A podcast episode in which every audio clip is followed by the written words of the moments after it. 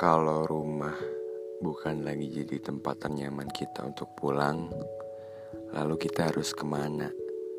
Pindah, cari rumah baru, berhenti dulu, muter-muter dulu.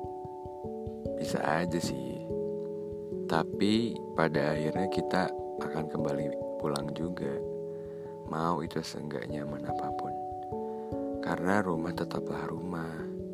Sejauh apa pun kita berjalan, Senyaman apa pun tempat pemberhentian, kita pasti akan balik lagi ke rumah. Halo semua, apa kabar?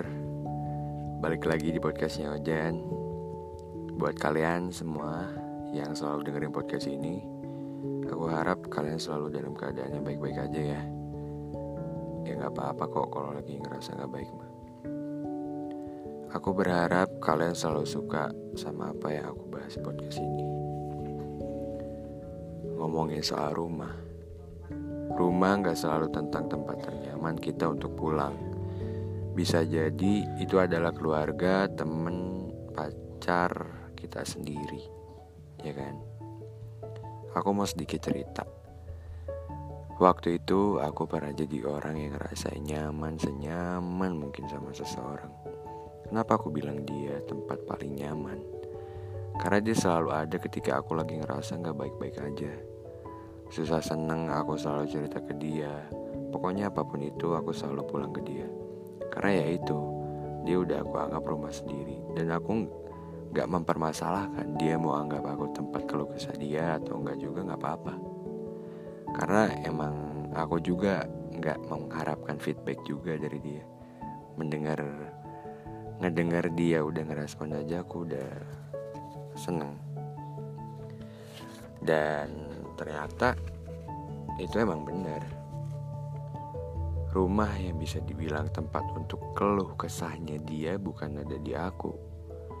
Lalu orang itu mengganti secara paksa isi rumah yang asalnya emang kelihatan damai, rapi, adem, sekarang menjadi kosong tanpa isi. Iya, dia pergi begitu aja. Fondasi-fondasi rumah udah mulai rapuh Sudut-sudut rumah udah berbeda dan gak kaya biasanya. Aku gak tahu sih ya, dia pergi karena bosan dengan kondisi rumah yang gitu-gitu aja atau emang udah pengen mencari rumah yang baru. Tapi gak apa-apa, itu keputusan dia. Dia berhak untuk memilih sesuatu yang menurut dia lebih baik. Ya, aku juga gak bisa nuntut untuk terus jadi apa yang aku mau. Dan setelah orang itu pergi, aku emang ngebiarin dia begitu aja. Karena aku tahu kalau emang dia yang terbaik, dia pasti bakal pulang. Dan cukup lama aku nunggu di rumah yang waktu itu keadaannya udah menjadi lusuh, kotor, debu di mana-mana. Aku pikir dia bakal balik lagi ke rumah itu. Ternyata dia emang sudah menemukan rumah ternyamannya cukup kaget mendengar hal itu karena awalnya aku nggak tahu kalau aku emang bukan tempat yang dia mau.